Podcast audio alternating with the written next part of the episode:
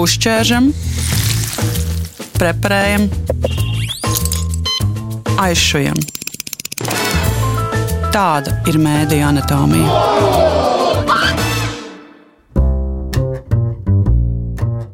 Šodien raidījumā Mēdīju anatomija mēs runāsim par to, kā mēdīji stāsta par sievietēm, kuras nokļuvušas svardarbīgās attiecībās, un kā mēs atspoguļojam stāstus par sievietēm upuriem. Studijā kopā ar mani Zani Ozoliņu šoreiz biedrības sievietē paveicās pārstāvi Maija Krastiņa un mana kolēģe Dace Krejere, kura šoreiz ir eh, nevis mēdīju anatomijas, arī mēdīju anatomijas veidotāja, bet arī viena no autoriem pētījumam līdera apskāvienos par meiteņu seksuālu izmantošanu jauniešu nometnēs, kas tik, tikko ir eh, kopā ar eh, Delfiju publiskots Latvijas radio podkāstā.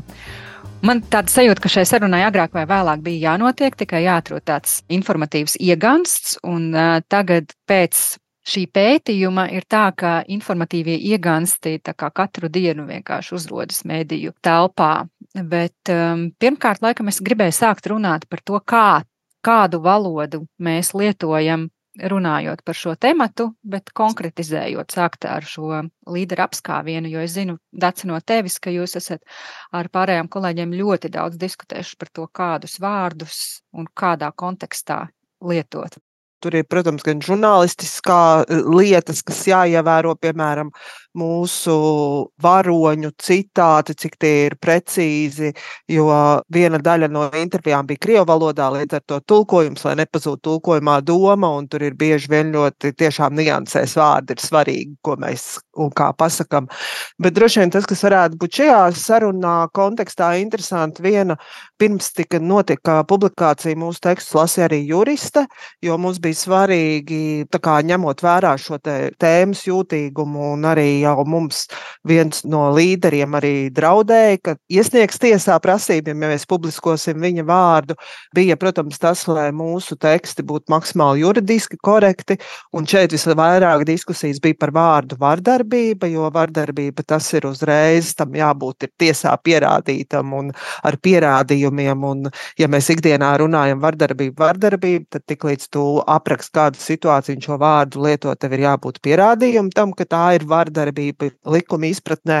Un, jā, no mūsu tekstiem vārds vardarbība pazuda, jo neviens no gadījumiem nav nonācis līdz tiesai, un līdz ar to mēs iztikām ar uzmākšanās, seksuālā izmantošanu un tā tālāk meklējām. Tas bija tāda, varbūt tāda diskusija, kas bija mums tāda, varētu teikt, viskarstākā Un otra, kas man likās interesanti, tas gan nāca no vienas no ekspertēm, ar kurām mēs runājām bija par to aicinājums sievietes, kuras dalījās ar saviem stāstiem, nesaukt par upuriem. Jo tas ir, protams, ļoti viegli uzreiz nosaukt visas sievietes. Reku mums ir astoņi upuri, kur pastāstīja par savu pieredzi. Un viņas ieteikums bija, kas nāk no starptautiskās vidas, šīs sievietes saukt par mērķiem uzbrukuma mērķiem vai uzmākšanās mērķiem. Es gan pēc tam skatījos, ne visur mums tas izdevās no šī vārda izvairīties, bet nu, tas arī bija viens no vārdiem, par kuriem mēs runājām, diskutējām daudz. Tas, kas varētu mūsu sarunā varbūt iedot tādu virzību. Kā tev klausoties, Dācis atstāsta par diskusijām žurnālistu aizkulisēs? Tā jau tam vajadzētu arī patiesībā pieiet un strādāt. Protams, ir grūti ar to, kas ir likuma izpratnē un kā mēs patiesībā jūtamies vai kā mēs tās lietas nosaucam. Šobrīd gan daudz problemātiskāk ir nevis tādu kolēģu kā dācis darbs, bet tas ikdienas redakcija un žurnālists darbs, kur līdz šādām debatēm nemaz netiek, kur tas patiesībā tiek attēlots vai nosaukts pilnīgi citos vārdos, kā piemēram drāma vai kašķis vai sastrīdējās, vai kā mums bija Juško gadījumā, ja nemaldos, tur bija vēl kaut kas maigāks. Ja? Tāda problēma bija dāma par dāmas iekaustīšanu vai kā. Tieši tā, tur bija dāmas iekaustīšana, kas ir, nu, tad tur gan tika skaidrots, ka dāma tas esot tā kā pagodinoši un, un kāda savādāk labāk to nosaukt, ja ne par iekaustīšanu. Ja, kas gan, nu, principā, redzot šo video, ir pilnīgi skaidrs, ka tā ir iespaidīgs blieziens pa galu, un to nevar saukt savādāk kā vardarbība, pat ja tiesa vēl nav bijusi. Tad, nu, mūsu skatījumā daudz problemātiskāk ir tā ikdienas banalizēšana, kurā vienkārši tā vardarbība tiek minimizēta vai vispār nenosaukt nekādā vārdā, kas ir viņai atbilstoši, un līdz ar to patiesībā tam upurim tiek nodarīts vēlreiz pāri, vienkārši pasakot, ai, ko tu vispār tas jau nekas nav. Un arī tādējādi radot to narratīvu, ka nu, eh, nu, tā jau ir tāda iekaustīšana, ko jūs visi cepjaties. Mēs arī pirms šī raidījuma ieraksta ar Māju runājām par to. Māja, tu teici arī, ka ir būtiski saprast, ka šajos stāstos nevar dot vārdu varmākam, bet arī, piemēram, Dāca līdera apskāvienos jūs runājat ar vairākiem no šiem cilvēkiem, gan Olga, gan tu, Olgai Dragaļevai no Delfiem video pierādījumu, un, piemēram, ir viena tāda saruna ar vienu no varmākām, kurš saka, ai, nē, tas taču bija pirms mītū, un, nu, tu ieraugi sejā to cilvēku un jau sāc saprast tādu patērnu Kāpēc tas ir mhm. problemātiski? Kāpēc māja tavuprāt nevar dot vārdu varmākam, ja mums žurnālistikā ir principi viena puse, otra puse, trešā puse? Mums tad bija pavisam nesen trīs gadījumi, kur mēdījos parādījās slepkavas un varmāku puse. Tad mums bija rēzeknes gadījums, mums bija vēl viens, un pilnīgi nu, tādā neitrālā vidē tiek intervēti varmākas, kur viņi pilnīgi mierīgi pasaka, nu, ka nu, nekas jau nebija, un es viņu nogalināju, vai viņš viņu nogalināja, tāpēc, ka tāpēc, ka.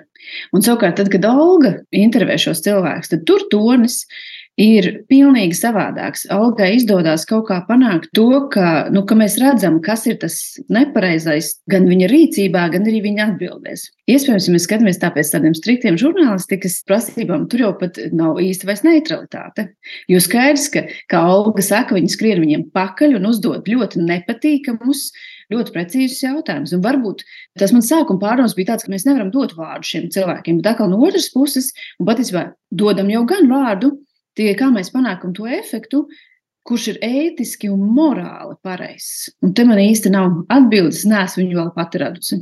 Kā tev, Dārts, jums jau arī ir tā, ka ir meiteņu stāstītājs pret to, ka, piemēram, viens no vīriešiem saka, ah, nē, viņai nepatika vienas nakts sakari, tāpēc Tas ir sarežģīts jautājums, jo žurnālistiem, protams, ir jāievāc maksimāli daudz informācijas un cik vien var. Un, uh, mēs arī, piemēram, nebija tā, ka mēs visiem uh, līderiem skrējām pakaļ. Mums bija tieši ļoti svarīgi satikt Vaigā Dmitriju Bočarovu, kas turpina vēl joprojām strādāt ar bērniem un jauniešiem. Un līdz ar to tur bija uzdevums ne tikai, lai nofilmētu un parādītu, bet arī pārliecināties pašām par to, ka šis cilvēks, par kurā teiksim, nodarījumiem ziņo meitenes, ka viņš vēl joprojām strādā ar jauniešiem. Un tas mums izdevās Problēma jau ir tā, ka šie cilvēki nav kaut kādi briesmoņi vai kaut kādi, kas izdara noziegumus tumšās vietās, uzbrūkot, negaidot un izdarot kaut ko, par ko, piemēram, šīs meitenes vispār nebija gatavas. Man liekas, ka vērtīgs materiāls ir tas, kur žurnālistiem izdodas parādīt, cik ļoti normālā vietā normāli cilvēki var izdarīt trakas lietas vai sāpināt citus un sāpināt varbūt uz visu mūžu. Un ja mēs tā kā parādam šo nodarījumu normālības ceļu, ja žurnālists to parāda, ka tā pati seksuālā vardarbība nenotiek kaut kur tikai uz ielas un to neizdara kāds deklasēts elements, tad arī tas ir vajadzīgs darbs.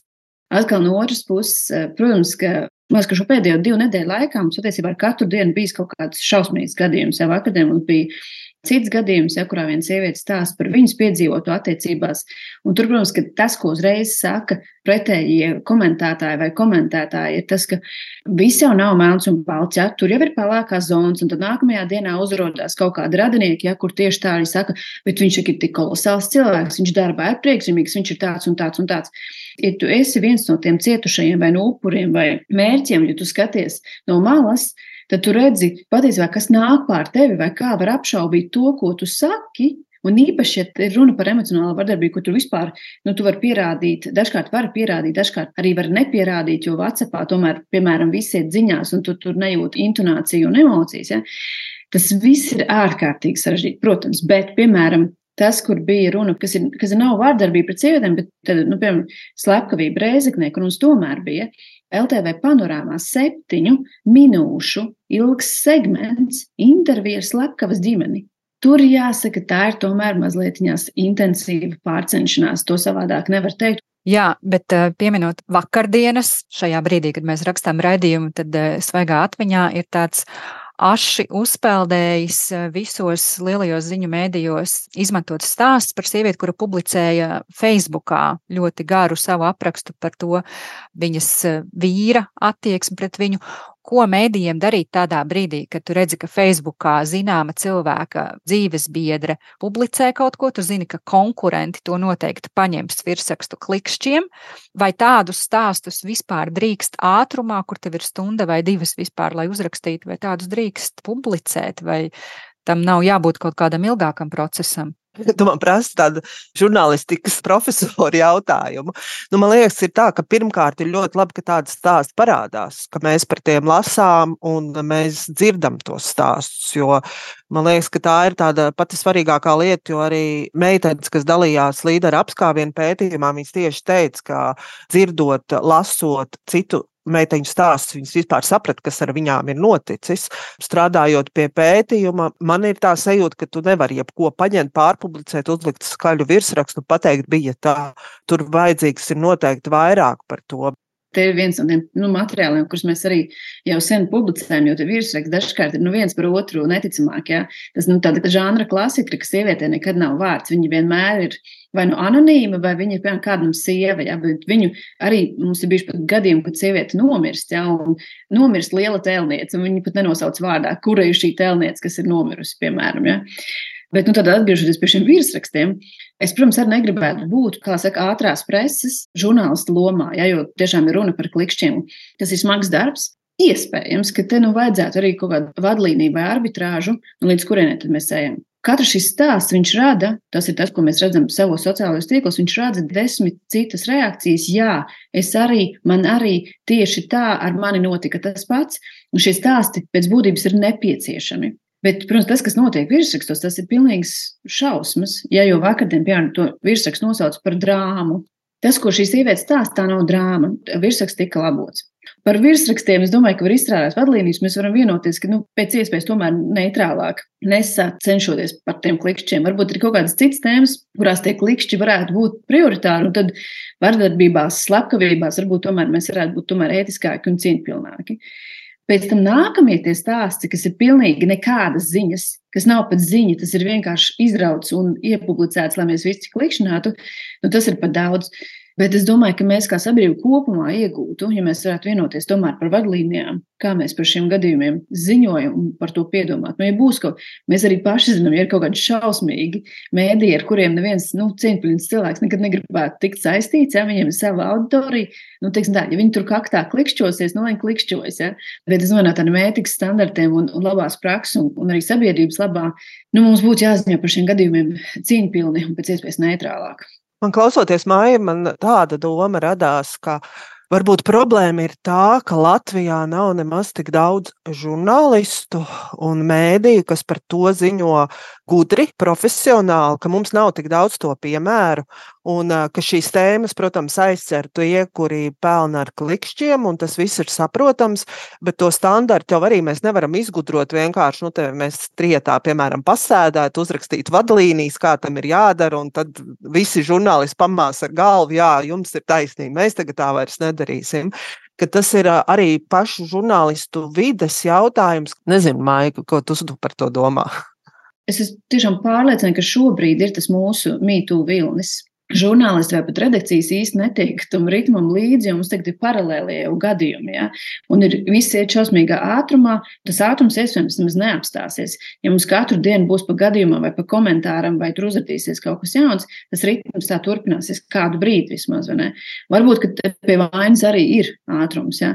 Un iespējams jau ka laika gaitā, un arī jau tagad mēs redzam, izkristalizēs jau tie žurnālisti, kam šī tēma interesē un kurš spēj par viņu cieņpilni ziņot. Varbūt tas ir tas viens veids veids, bet es domāju, patiesībā nu, bez vadlīnijām neiztikt. Mums vajadzētu tādu, kā saka, vienas lapas spīkeri, kuro uzrakstīt galvenās lietas, nu, kuras darīt, kuras nedarīt. Tās vadlīnijas var būt īsākas, garākas, bet nu, to vienu spīkeri gan vajadzētu ar tādu nu, sarkanu krustu, nu, ko darīt un ko absolūti nedarīt, ne, lai, lai nekļūdītos.